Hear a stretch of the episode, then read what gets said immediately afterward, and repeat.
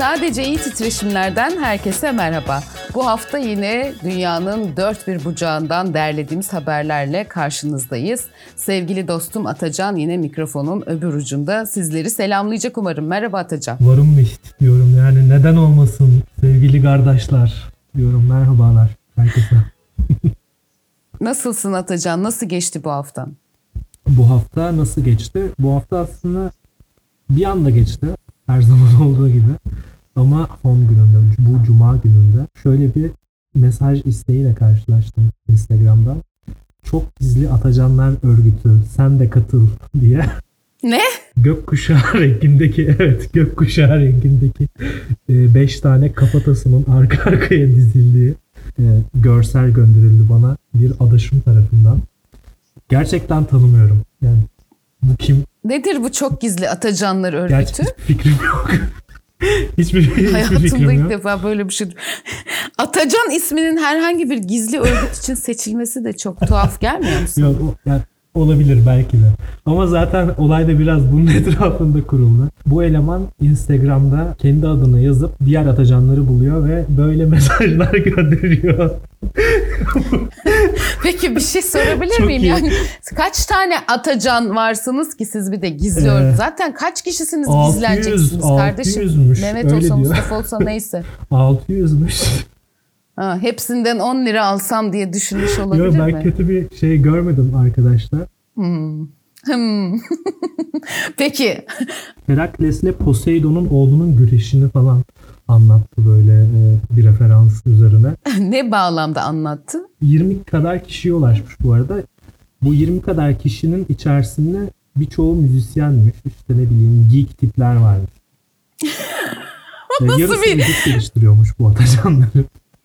Bazıları eşcinselmiş. Böyle bir gözlem var. Ben de e, aa ben de spor salonuna yeni kayıt oldum falan demiştim. Peki sence bu nasıl mümkün oluyor diye bir soru sordu. Bilmiyorum abi dedim yani nasıl oluyor. İsimler demografik ve sosyoekonomik şartlara göre koyulduğu için mi birbirimize benziyoruz sence dedi. Ben de dedim ki abi seninle gurur duydum. Gerçekten meseleyi ben yakaladın dedim. Hareket alanı bırakmadım. Bundan başka bir yorum yapılamaz. Ondan sonra Heraklos'la Poseidon'un oğlunun günlerce süren Gerçekten şok içinde dinliyorum seni. Peki ne diyelim o zaman çok gizli Atacanlar örgütü bize ulaşsın mı diyelim? Dünyanın dört bir köşesinde yaşayan Atacanlar siz ne yaptınız? Cime kaydoldunuz mu? Vücut geliştirdiniz mi? ne yapıyorsunuz diye soralım mı? Yani arada Veya müzikle ilgileniyor müzikle musun? ilgileniyor musunuz? Değişik değişik ilgileriniz var mı? Çok enteresan. Neyse. Sende ne var ne yok sen nasılsın? E, Valla ben de işte iyiyim demek isterim ama bizim geçen haftamız ah, nasıl geçti bilemiyorum. Hatırlayacaksın geçen haftalarda biz bir Eswatini Krallığı ile ilgili bir haberden bahsetmiştik. İşte nüfusunun üçte ikisi yoksul ama 35 yıllık kralın 62 tane lüks arabası var. İşte halkın yaptığı protestolara polis gerçek mermiyle müdahale ediyor. Kendi kafasına göre kral ülkenin adını değiştiriyor falan diye böyle ver etmiştik lafı. Şimdi ben umuyorum ki Esvatini'de de podcast yayını yapan çok kıymetli bazı arkadaşlar vardır ve onlar da bu hafta şöyle laflar etmişlerdir. Ya Türkiye diye bir ülke varmış. 19 senedir bunların düşmediği bela kalmamış. Halk her saniye daha da yoksullaşıyormuş böyle Google'dan dakika dakika dolar kaç oldu diye bakıyormuş. Ülkenin muhalefet partisi aman diyeyim sokağa çıkman, aman olaylara karışman, biz derdimizi sandıkta anlatacağız falan diyormuş. İşte bir gece Maliye Bakanı, Maliye Nazırı görevinden affını diliyormuş. Yerine başka bir adam bakan yapılıyormuş. Kameralar karşısında Sağlık Bakanı'nı hizaya çekiyormuş Cumhurbaşkanı. O da efendim sizi sizden izin almadan söyler miyim efendim falan diyormuş koskoca Sağlık Bakanı falan diye. İnşallah güzel ülkemizden bahsediyorlardır. Şaşıra şaşıra dedim. Yani biz neler yaşadık, neler yaşadık Atacan, nelerin içinden geçtik bu hafta. Gördüğün gibi derdim büyük ama başım da dik. Yine geldik dünyanın her köşesinden türlü türlü hadiseleri anlatmaya. Evet bu noktada ben başlayabilirim o halde. Kenya'da yeni uygulanan ithalat vergileri nedeniyle normalde yardım kuruluşları tarafından ücretsiz dağıtılan prezervatifler azalıyor. Bu kıtlıkta AIDS'e karşı mücadelede bulaş oranının artmasına neden oluyor. Kenyalı televizyon kanalları otellerde, restoranlarda ve sağlık kuruluşlarındaki kutularda neredeyse bir senedir kondom bulunmuyor şeklinde bilgiler aktarıyor. Kenyalı yurttaşlar da ücretsiz kondomları virüsün yayılmasını engellemekte önemli bir yöntem olarak görüyor.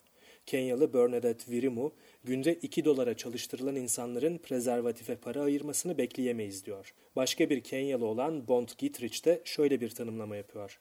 Bu savaşa silahsız girmeye benziyor. Böyle olursa sadece kaybedersiniz. 1,5 milyon HIV taşıyıcısının bulunduğu Doğu Afrika ülkesinde hükümetin prezervatife ithalat vergisi getirmesi nedeniyle Birleşmiş Milletler ve benzeri kuruluşlar tarafından gönderilen kondomlar gümrükte bekletiliyor. E, bu haberi durduk yere seçmedik elbette. Çünkü geride bıraktığımız haftanın günlerinden biri 1 Aralık Dünya AIDS günüydü.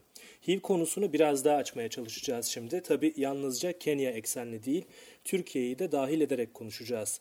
Bunun için de HIV aktivisti Defne Güzel telefonun diğer ucunda sorularımızı yanıtlamak için bizi bekliyor. Merhaba Defne. Sen nasıl karşılıyorsun Kenya hükümetinin bu kararını ve hükümetler genel anlamıyla böylesi konularda nasıl tavır takınmalı?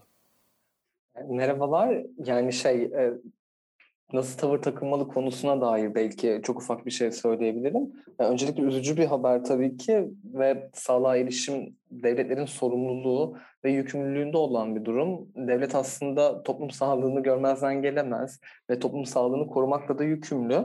Bu yalnızca kondoma erişimi sağlamak değil bu arada bununla birlikte HIV'le yaşayanların haklarını korumak ve bu haklara dönük hizmetler gerçekleştirmek de olmalı. Dolayısıyla HIV ilaçları, korunma aparatları devletin ücretsiz vermesi gereken hizmetler diyebilirim. Peki bir insanın HIV taşıyıp taşımadığını belirtmeye zorlanması gerçekten günlük hayatta nelerle karşılaştıklarını, neler yaşadıklarını ve olası hak ihlallerini konuşmak istiyorum aslında yani HIV statüsünün kendisi özel nitelikli bir sağlık bilgisi, sağlık verisi. Dolayısıyla kişiler e, bu özel nitelikli verilerini, bilgilerini paylaşıp paylaşmamaya ancak kendileri karar verebilirler. Tabii ki aynı zamanda mahremiyetle de ilgili bir bilgi yani kişilerin özel hayatına dair bir bilgi. Dolayısıyla yine buradaki paylaşıp paylaşmama kişilerin kendi iradeleriyle karar verebileceği bir durum. Tabii ki HIV'le yaşayanlar statülerini paylaşabiliyorlar mı açık açık? E, maalesef ki paylaşamıyorlar çünkü önyargı ve ayrımcılık HIV'le yaşayanlar üzerinde çok çok şiddetli. Aslında birçoğumuzun da bildiği gibi HIV ve ölüm yan yana anılıyor. E, HIV'le yaşayanlar izole ediliyorlar, gettolara itiliyorlar. Toplum sağlıklı, sağlıksız, temiz, kirli diye ikiye bölünüyor. Bu bölümü içerisinde de HIV'le yaşayanlar suçlulaştırılıyorlar, açılmaya zorlanıyorlar, tehdit ediliyorlar. E, yine devlet kanalları örneğin HIV'le yaşayanları hedef gösteriyor. Yine Türkiye'de örneğin e, Diyanet İşleri Başkanı Ali Erbaş pandeminin başında Cuma hutbesinde HIV'le yaşayanları, nikahsız ilişki yaşayanları ve eşcinselleri pandeminin sebebi olarak göstermişti. Bu hutbe Türkiye'deki bütün camilerde de okundu. Ayrıca HIV medya tarafından bir seks işçisi hastalığı, Rus hastalığı, travesti hastalığı olarak da yansıtılıyor, yansıtmaya devam ediliyor. Toplumsal bir hizaya getirme aracı olarak aslında hep bir maşı olarak kullanılıyor. Aslında hepimizin duyduğu şeylerden de bahsedebilirim. HIV'le yaşayanların hala banklara, bar tuvaletlerine, sinema koltuklarına şırıngalar bırakıp kaçtığı iddiaları ortaya atılıyor ve bu mahalleler arasında kulaktan kulağa da fısıldanan bir durum haline geliyor. Şehir efsanesi gibi bir şey herhalde. Evet ve e, HIV'le yaşayanlar tabii ki bu efsanelerle, daha doğrusu bence bu ayrımcılık pratikleriyle kriminalize ediliyorlar ve bir HIV paniği dalgası yaratılıyor aslında. O yüzden bugün HIV'in kendisi bir kriz değil e, ama HIV'le yaşayanlar toplumsal bir krizin içindeler. Dolayısıyla HIV'le yaşayanlar için güvenli bir zemini konuşmadan e, HIV'le yaşayanların açılma zorunluluğunu konuşacaksak işte bunun kendisi tam da mağdur olanı daha da mağdur etmek anlamına geliyor ki bunun kendisi dediğim gibi aslında bir insan hakları ihlali. Bir de tabii ki bir noktada şey değinebilirim.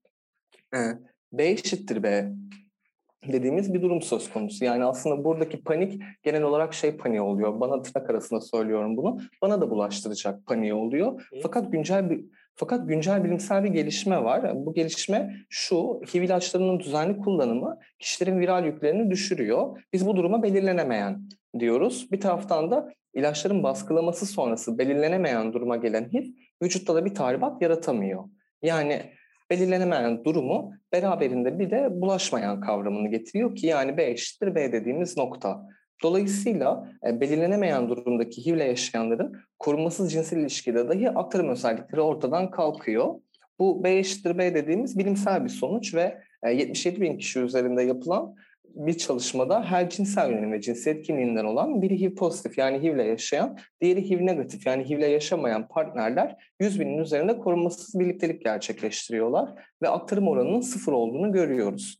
Yani ilaca erişim olduğunda ve düzenli ilaç kullanımında HIV ile yaşayanların hem aktarım özelliği kalmıyor hem de hayatlarına sağlıklı bir şekilde devam edebiliyorlar. Dolayısıyla bu bilgiyle birlikte kişilerin statülerini paylaşmak zorunda kalıp kalmayacaklarını ya da paylaşmaları gerekip gerekmeyeceğini tekrardan düşünmemiz gerekiyor. Çünkü B eşittir B tam da bu AIDS paniğine karşı, HIV paniğine karşı güçlü bir argüman. Ve bu argümanın kendisini, B eşittir B kampanyasını ve bilimsel sonucunun kendisini yeniden düşünmek gerekiyor açıkçası. Daha çok konuşmak gerekiyor bir taraftan da.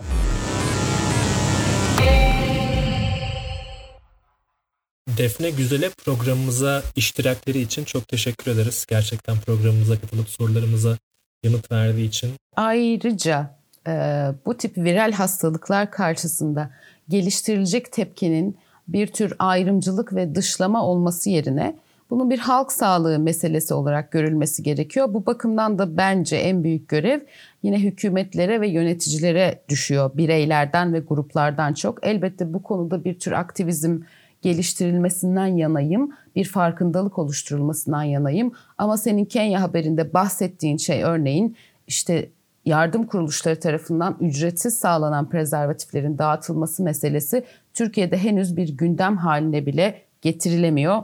Buna da dikkat çekmemiz gerekiyor. Çünkü bu bir halk sağlığı meselesi, bir viral hastalık ve ondan korunmak söz konusuysa tıpkı Covid-19'da olduğu gibi HIV konusunda da bilinçlendirme ve ücretsiz yardım politikalarının acilen geliştirilmesi gerekiyor diye düşünüyorum. Evet Eylem sözü sana bırakmadan önce şu hatırlatmayı da dinleyicilerimize yapmış olayım. Yaptığımız röportajın tamamını e, ayrıca sayfamızda bulabileceksiniz. Şimdi İran'dan bir haberle devam edeceğiz. İran'ın İsfahan kentinde 19 Kasım'da çiftçilerin başlattığı protestoların ardından hükümet 67 kişinin tutuklandığını açıkladı. Hükümetin su politikalarını eleştiren çiftçiler kuruyan Zayende Irmağı üzerinde çadırlar kurarak başlatmıştı eylemi.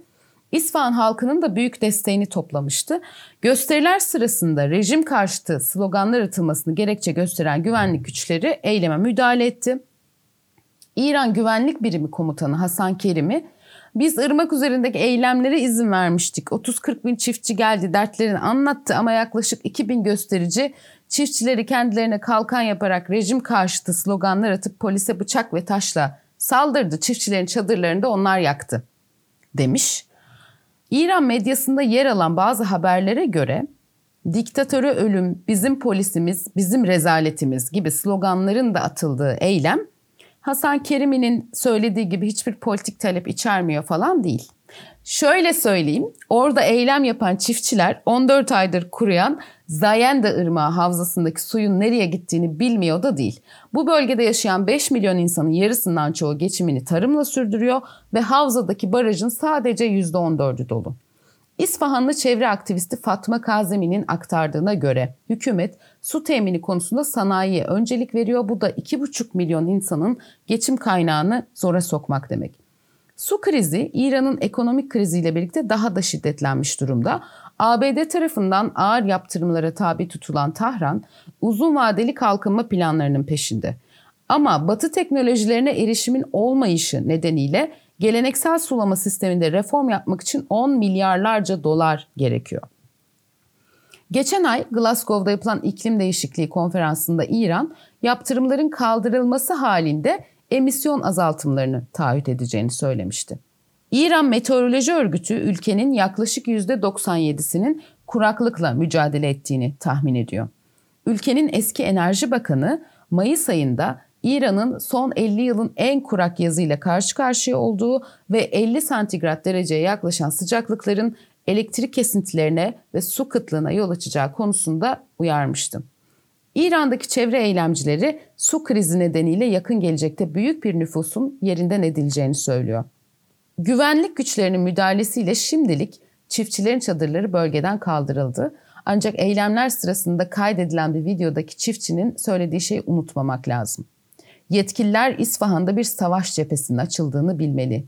Ya Zayende Irmağı'nın suyunu geri vereceksiniz ya da tarihin çöplüğüne gideceksiniz. Ee, Fransa'da mülteci karşıtı Cumhurbaşkanı adayı. Bu bir şiir. İkinci yenici. Fransa'da Nisan ayında Cumhurbaşkanlığı seçimleri yapılacak. Marine, e, Marine Le Pen desem bu kişiyi tanımayana bile ismin tınısı bir şekilde tanıdık gelir ki meseleyi tınıdan birkaç adım öteye taşıyayım. Kendisi Front National isimli sağcı partinin başkanı ve 2017'deki seçimlerde %33.9'da galip Macron'un arkasında yer almıştı. 4,5 ay sonraki seçimlere yani 2022 Nisan ayında yapılacak seçimlere giderken Le Pen'in aşırı sağdaki tekeli bozulacağı benziyor. Çünkü açık şekilde mülteci karşıtlığı yapan, daha önceden nefret söylemleri nedeniyle yargılanan eski gazeteci Erik Zemmour da Cumhurbaşkanlığı yarışında kendisine açık şekilde meydan ok. Destekçileri tarafından Fransız kimliğinin savunucusu, karşıtlarınca ise arsız bir ırkçı olarak tanımlanıyor.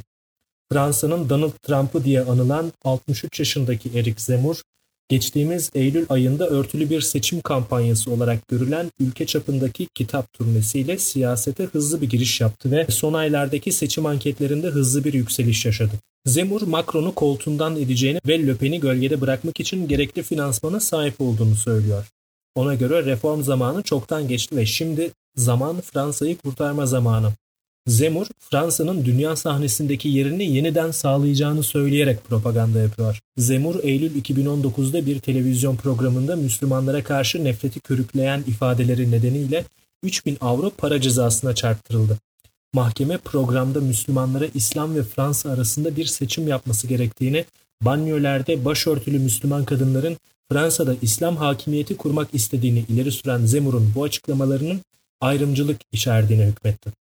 Erik Zemur'un 20 Ekim'de bir güvenlik fuarında incelediği bir keskin nişancı tüfeğini şaka değil geri çekilin diyerek gazetecilere doğrultması ülkede gündem oldu ve tepkiyle karşılandı. Geçen hafta kendisine tepki gösteren bir kişiye de otomobilinin içinden orta parmak hareketi göstermişti. Evet Avrupa'nın pek çok ülkesinde bu Donald Trump'a benzetilen işte yok Fransa'nın Donald Trump'ı bilmem nerenin İngiltere'nin Donald Trump'ı diye türlü türlü adamlar görüyoruz. Her biri de nedense ırkçılık ve ayrımcılığa sırtına çok güzel dayıyor ve hepsi de böyle bir büyük ülke düşünden falan söz ediyor. Fransa'yı yeniden Fransa yapacağız. İşte yok İtalyanlar için İtalya falan. Alın sizin olsun. Ben şimdi biraz polis şiddeti ve cezasızlıktan bahsetmek istiyorum Atacan. 30 Kasım günü ABD'nin Arizona eyaletindeki Tucson kentinde polis memuru Ryan Remington 61 yaşındaki Richard Lee Richards'ı bir marketten hırsızlık yaptığı gerekçesiyle 9 el ateş ederek öldürdü. Güvenlik kamerası görüntülerinde Richard Lee Richards'ın akülü tekerlekli sandalyesinden düştükten sonra polisin ateş açtığı, daha sonra kelepçelendiği görülüyor. Zaten sonra da öldüğü duyuruluyor. Polis memuru Remington'ın avukatı Richards'ın elindeki bıçağı etrafa savurduğunu, bıçağı teslim etmesi yönündeki telkinlere uymadığı ve kaçmaya çalıştığı gibi bir ifadede bulunmuş. Tanık gösterilen bir Walmart çalışanının ifadelerine göre ise Richards, bıçağı bırakmamı istiyorsanız beni vurmanız gerekecek demiş. Kamera görüntülerinde polis memuru Remington'ın başka bir memurla birlikte Richards'ı takip ettiği görülüyor ve onu mağazaya girmemesi yönünde uyarıyor.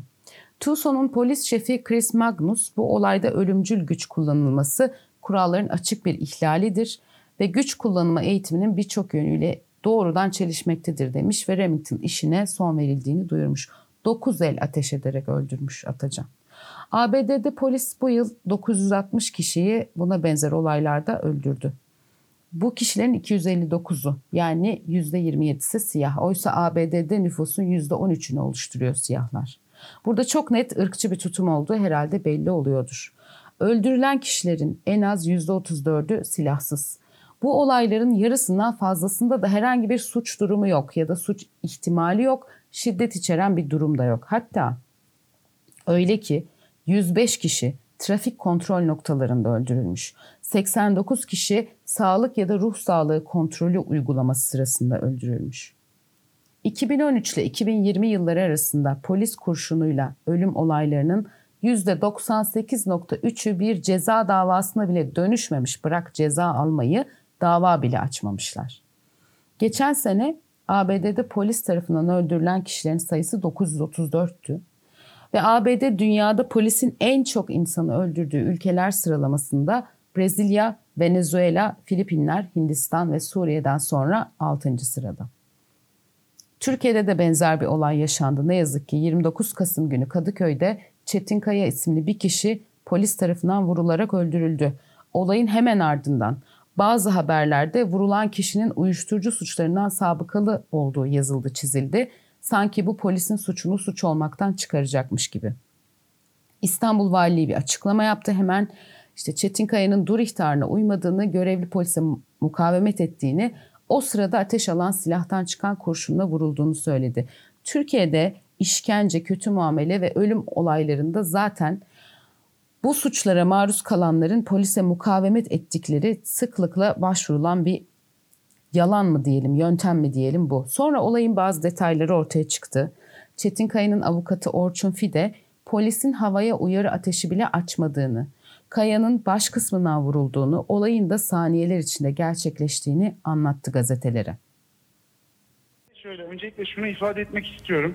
Son yıllarda çokça karşılaştığımız üzere aslında vatandaşlarımızı korumakla görevli kolluk güçlerinin silahlarından çıkan kurşunlarla vatandaşlarımız ölmekte. Maalesef buna alışmamamız gerekiyor. Fakat ülkemizin geldiği son durumda buna alışmış gibi görünüyoruz. E, şimdi şöyle anlatılan olay polisin anlattığı şekliyle e, Çetin Bey'i arabadan indirmeye çalışırken e, bir elini kelepçeledikleri fakat diğer boşta kalan eliyle polisin silahına hamle yaptığı yönünde. Fakat biz olay görüntülerinden e, ve dışarıdan aldığımız bilgilerden olayın bu şekilde gerçekleşmediği kanaatindeyiz. E, savcılık makamı ve e, suç ceza hakimliği de bizimle aynı kanaatte olacak ki. Çünkü e, bir tutuklama sebebi olabilmesi için öncelikle suçun işlendiğine dair kuvvetli suç şüphesinin olması lazım. Yani bu suçun işlendiğinin kuvvetle muhtemel olması lazım ki bir kişi tutuklansın. E, dosyamızda da aynen bu şekilde olmuş. Yani bu anlatılan beyana itibar edilmediğini yaşandığı, daha sonra e, aracın durdurulduğu ve ardından da e, müvekkilin araçtan indirilip ters kelepçelenmeye çalışırken e, hatta başka bir iddiaya göre ters kelepçe yapıldıktan sonra maalesef e, katledildi. Şimdi İstanbul Valiliği'nin olay polise mukavemettir, silah ateş aç almıştır gibi açıklamalarına rağmen daha sonra vuran polis tutuklandı. Tabii hakkında bir dava açılacak mı? Açılacaksa o davada ne olacak? O da diğerleri gibi cezasızlıkla mı sonuçlanacak? Ne olacak? Göreceğiz. 2017'de Diyarbakır Nevroz'unda Kemal Kurkut'u vuran polis geçen sene beraat etti biliyorsun. Üstelik de Ulusal Kriminal Büro polis memurunun hedef alarak doğrudan atış yaptığını belirtmişti mahkemeye sunduğu raporda. 2017'de İstanbul Gazi Mahallesi'nde polisin dur ihtarına uymadıkları için ateş açtığı araçtaki iki çocuk Oğuzhan Erkul ve Barış Kerem'le ilgili davada yargılanan polis memurları 6 yıl hapis cezası aldı ama ceza 24.300 TL para cezasına çevrildi. Onu da 24 takside böldüler. 2019 yılında Diyarbakır'da yine polisin vurduğu 20 yaşındaki atık kağıt toplayıcısı Recep Hantaş'la ilgili dava devam ediyor ve son duruşmada ifade veren tanığın anlatımlarından polisin kendisine karakolda arkadaşını nasıl öldürdüysek seni de öyle öldürürüz dediğini öğreniyoruz. 2020 yılında Suriyeli genç Ali El Hemdan Adana'da polis tarafından vurularak öldürüldü. Vuran polis memuru en son ifadesinde epilepsi hastasıyım, oruç tutuyordum, reflekslerimi kontrol edemedim dedi. Ama aynı zamanda nişan almayı başarabilmiş galiba. Aynı zamanda çok hızlı bir şekilde nişan almayı başarmış bunlara rağmen. Türkiye'de 2020 yılında tespit edilebildiği kadarıyla 3'ü çocuk 15 kişi polis tarafından bu şekilde öldürüldü. Yaralananların sayısı da 13. Cezasızlık politikası bu durumu daha kötü hale getiren şey aslında. 2007 yılında polis salayetleri ve vazifeleri kanununda yapılan değişiklikle polisin silah kullanımı kolaylaştırılmıştı. Tabi ceza almayacaklarından emin olduklarında kolluk kuvvetlerinin şiddet kullanımı konusunda neler yaptığını herhalde anlatmama gerek yok. Yani şöyle bir haberlere bakan rahatlıkla görebilir diye düşünüyorum. Şimdi bir kadın başkanlar kuşağı yapacağım kısaca. İlk başlığımız Myanmar'da kısa bir şekilde anlatacağım bunu. Kısa bir baş, giriş olacak. 6 Aralık Pazar günü Myanmar'ın demokrasideki rol modeli diye anılan devrik kadın başkanı Aung San Suu Kyi'ye karşı mahkemeden bir karar çıkacak. Kendisi e, yılbaşından bu yana darbenin gerçekleştiği zamandan bu yana tutuklu bulunuyor. Suçlama ise ordunun desteklediği siyasi partiyi marjinalleştirmek. Ordu neden bir siyasi partiyi destekliyor? Ordu bir siyasi partiyi destekliyor ve aynı zamanda ordunun parlamentoda, yerel parlamentolarda ve e, merkez parlamentoda %25'lik bir kotası bulunuyor. Yani seçime girmeden meclisin %25'i orduya ayrılıyor. Böyle bir durum var. Ee, Myanmar evet, böyle bir ülke. Myanmar'la ilgili geçen hafta da bahsetmiştik. Özellikle tekstil işçilerin hikayeleri üzerinden. Darbenin üzerinden geçen bu kadar zamandan sonra bile hala demokrasi mücadelesi veriliyor. Dolayısıyla bu mahkemeden çıkacak karar önemlidir diye düşünüyorum. Tabii sonuçta ülkenin gidişatını anlıyor olacağız. Oradaki bir oradaki darbe deneyiminin e, bize de gösterecekleri, e, öğreteceği şeyler olacaktır elbette. E, bir sonraki haberle devam edeyim. Kadın kuşağı dedim ama kadın başkanlar kuşağı bu şeydeki ATV'deki gibi bir şey değil. Ve elbette bu haberle keyifler biraz yerine gelebilir. Kendinizi hazırlayın. Şimdiden uyarmış olayım. Honduras'ta geçen pazar günü yapılan seçimlerde adı yolsuzluğa, uyuşturucu ticaretine karışmış sağcı Ulusal Parti'nin geçtiğimiz 12 yılda devlet başkanlığı sıfatını taşımış Juan Orlando Hernandez koltuğundan oldu. Bu kişiyi 12 yıldır devlet başkanlığını sürdüren kişiyi koltuğundan eden kişi ise onun yerine gelen isimse Solcu Özgürlük Partisi'nin adayı Sio, e, Xiomara Castro oldu. Yo pardon. Xiomara Castro oldu. Tabi böyle bir girişten eski devlet başkanı da seçimlere aday olmuş ve kaybetmiş anlamı çıkıyor. Öyle anlaşılmasın çünkü onun gidici olduğu ülkeyi içine sürüklediği yoksulluk ve narko ve narko diktatörlükle zaten kendini belli etmişti. Yani herkes bunlar gidici diyor, diyormuş. Kaldı ki bir cumhurbaşkanlığı seçim kampanyasını yürütecek vakti de enerjisi de muhtemelen yoktu. Çünkü 2018 yılında ABD'de Miami Havalimanı'nda tutuklanan kardeşi Tony Hernandez geçen Mart ayında uyuşturucu ticareti yaptığı suçlamasıyla ömür boyu hapse mahkum edildi. Efendim işte kardeştir atsan atılmaz satsan satılmaz e, beş parmağın beşi de bir mi canım falan dese de kurtarmaz kendisine. Çünkü USA'in Yılmaz savcıları kendisine vahşi cinayetlerin mesulü uyuşturucu kartellerine bağı olduğunu ifade ediyor. Hatta kardeşi Tony azılı drug lordu El Chapo lakaplı Joaquin Guzman'dan ağabeyinin seçim kampanyasını finanse etmek üzere 1 milyon dolar aldığı içinde hüküm giydiği belirtilmişti. Bu kesinlik kazanan bir şeydi. Dolayısıyla kanıtlanmıştır diyebiliriz. Bunun için kanıt var diyebiliriz. Olaylar bu şekilde gelişince de BBC Meksika ve Orta Amerika korespondenti Will Grant'ın da yaptığı analizde yer aldığı şekliyle efendim ne kadar da uzattım. Honduraslıların asıl gündemi değişim olmuş. Bu istekte sonuçlara Castro lehine %52'lik bir oy olarak yansımış başka bir adayla seçimlere katılan mevcut yolsuzluk tablosunun sahibi Ulusal Parti de %35'te kalmış. Yani görüyoruz ki uzun iktidar dönemlerinden sonra oy oranının hala nasıl bu kadar yüksek yahu diye şaşırılmasına gerek yok. Bu bir fenomen galiba. Neye istinaden söylediğimi herhalde bir daha söylememe gerek yok. Anlayana Sözcü gazetesi diyerek bitiriyorum. Şaka bitirmiyorum. Açıkçası ne dediğine dair benim hiçbir fikrim yok ama böyle coşkulu coşkulu İspanyolca konuşunca ben de bir zafer sarhoşu oldum. Ama okuduğum kaynaklarda Castro'nun yolsuzluğu bitireceğine ve gücü kötüye kullanmayı sona erdireceğine ve demokratikleşme için reformlar yapılacağına dair söz verdiği yer alıyordu. Burada da muhtemelen bunlardan bahsediyordur. Şimdi şu çok ilginç Atacan yani bir uyuşturucu kartelinden 1 milyon dolar para alıyorsun. Bunu da seçim kampanyasını finanse etmek için kullanıyorsun. Evet dolayısıyla bunun adı tam olarak narko diktatörlük. Dünyanın pek çok yerinde ilk akla gelebileceği gibi tabii Latin Amerika'da buna benzer uygulamalar çok sıkça görülüyor. Ama Latin Amerika'ya çok ilginç ülkelerden de katılım var. Mesela Türkiye gibi değil mi? Evet. Peynir ticareti falan yapılıyor. Benim bildiğim Tabii o. Ala'ya bir takım gemiler geliyor. Ah, ve o sizler gemiler- oğlu. Şöyle Bu jingle'ı.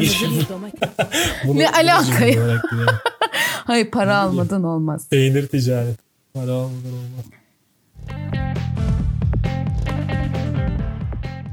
Şimdi geldik son haberimize Atacan. Malum e, holiday season dediğimiz zamana geldik değil mi? Önce Hanuka arkasından Noel gelecek kutlamalar, bayramlar. E, Noel Baba ile ilgili bir haberim var. Ne ilgisi var diyeceksin dur geliyor.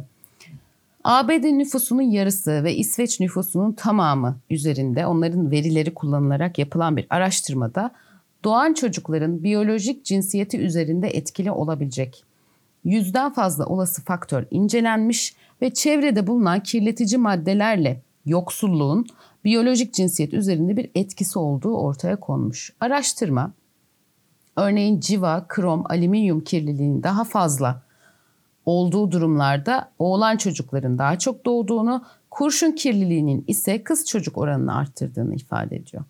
Bulunulan ortamda çok sayıda fast food restoranı ve boş bina bulunması gibi yoksulluk parametreleri. Çok ilginç yoksulluk parametreleri bunlar. Yol kazalarında ölü- ölüm oranlarının yüksekliği, şiddet olayları gibi stres faktörlerinin de cinsiyet oranlarındaki istatik cinsiyet oranlarında istatistiksel olarak önemli değişikliklere neden olduğu iddia ediliyor. Tabii bunu doğrudan bir neden sonuç ilişkisi olarak okuyamayız. Ama bu veriler arasında bir korelasyon olarak görebiliriz. Yine de 8 yıl boyunca ABD'den 150 milyon kişinin 30 yıl boyunca da İsveç'ten 9 milyon kişinin verilerinin kullanıldığı araştırmada civa kirliliği ve endüstriyel tesislere yakınlık gibi faktörlerin cinsiyet oranının cinsiyet oranını %3'e varan düzeyde değiştirdiğini ifade etmesi ilginç.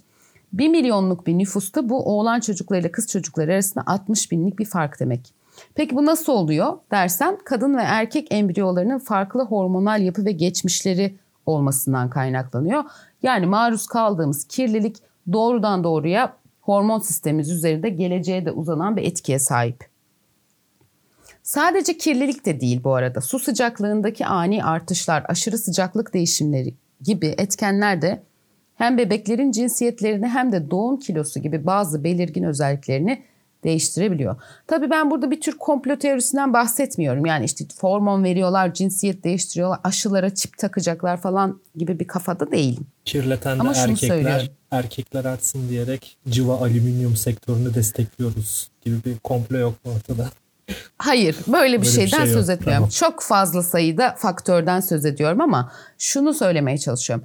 Küresel ısınma, iklim değişikliği, endüstriyel atık kirliliğindeki artış gibi çevresel etkenler insan türünde bir çeşit adaptasyona zorlayacak kadar güçlü etkenler haline geldi artık. Güncel bir modellemeye göre örneğin dünyanın 3 derece ısınması durumunda yağmurdan daha fazla kar yağan Kuzey Kutbu'nda 2060 yılında yağmur baskınları olabilirmiş. Küresel sıcaklık artışı 3 değil de 1,5 derece ya da 2 derecede tutulsa bile Grönland ve Norveç denizi bölgeleri yine de yağmurun hakimiyetinde olacakmış. Ağustos ayında bu sene Grönland'ın devasa buz örtüsünün zirvesine rekor düzeyde ilk kez yağmur yağdığında herkes çok şaşırmıştı. Peki bu kar yerine yağmur yağmasının sonuçları ne olur? Geldik Noel Baba'ya. Noel Baba'yı artık kızağıyla değil de sandalıyla falan mı göreceğiz? Yani o mu? Keşke bu kadar sempatik bir şey olsa sonucu ama aslında biraz da böyle bir sonuç. Kuzey Kutbu için kar çok kritik önemde demiştim. Çünkü deniz buzu üretiyor. Daha az kar demek de daha az buz ve açık okyanuslar tarafından daha fazla ısı emilimi demek. Yağmurun artması buzulların okyanusa kaymasına sebep olacak. Buna bağlı olarak da birçok kıyı bölgesini tehdit eden deniz seviyelerinin yükselmesi durumu daha da hızlanabilir. Kuzey kutbundaki toprakların çoğu toprağın kalıcı olarak donduğu tundra tipi toprak. Ama daha fazla yağmur bunu da değiştiriyor. Yer altına permafrostu yani donmuş toprağı eritebilecek ve küresel etkileri olacak sıcak su dökmek demek aslında bu. Yani hayati buz yollarının erimesi, daha fazla sel ve bu bölgedeki hayvan sürülerinin aç kalması demek. Yani Noel Baba'nın Rudolf'unun artık olamayacağı anlamına bile gelir. Gel gör ki bütün bu raporlara, modellemelere rağmen ABD'nin başı çektiği bazı ülkelerdeki kuruluşlar bu tür modellemelere inanmadıklarını, çünkü gelecekteki ısı artışını beklenenden biraz daha fazla öngördüğünü iddia ediyor bu raporların. Yani işte 3 diyor ya, 1,5 diyor ya, 2 diyor ya ona itiraz ediyor. Yani bir derecelik bir oynamanın bile nelere yol açabileceğini siz söyleyin o zaman. O zaman madem öyle siz senede 42 milyon ton plastik tüketmeye devam edin kardeşim. Karbon emisyonlarını falan artırmaya devam edin. Kendi aranızda konferans yapın. Biz işte küresel iklim değişikliğini konuşuyoruz falan deyin ama dev şirketlere hiçbir yaptırımda bulunmayın. Böyle devam edin. Ondan sonra Noel Baba hikayesini anlatırken biz gelir size söyleriz. Ha, ne oldu ısı artışını fazla öngörüyordunuz diye. Ben espri yaparım işte. Biraz sinirlendim Evet. fark ettiysen. Evet fark ettim. Haklısın ama. Şekilde sinirlenmekte. Biraz sinirleniyorum. Biraz sinirleniyorum böyle şeylere ve aslında böyle biraz sinirlenmeyi ben herkese tavsiye ediyorum Atacan.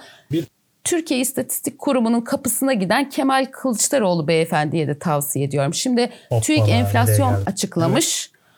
TÜİK enflasyon açıklamış demiş ki yüzde üç dalga geçer gibi.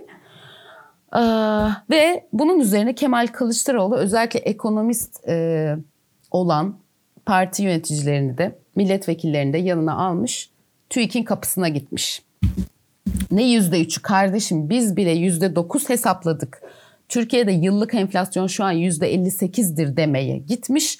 Almamışlar içeriye Atacan. Dış kapıdan almamışlar. Yani demir parmaklıkların dışında bekliyorlar. Ben bile girdim o binaya. Yani ayıptır günahtır beni bile aldılar. Sizi almamışlar. Ve ne yapıyor biliyor musun sevgili Kılıçdaroğlu? Almış eline bir tane telefon.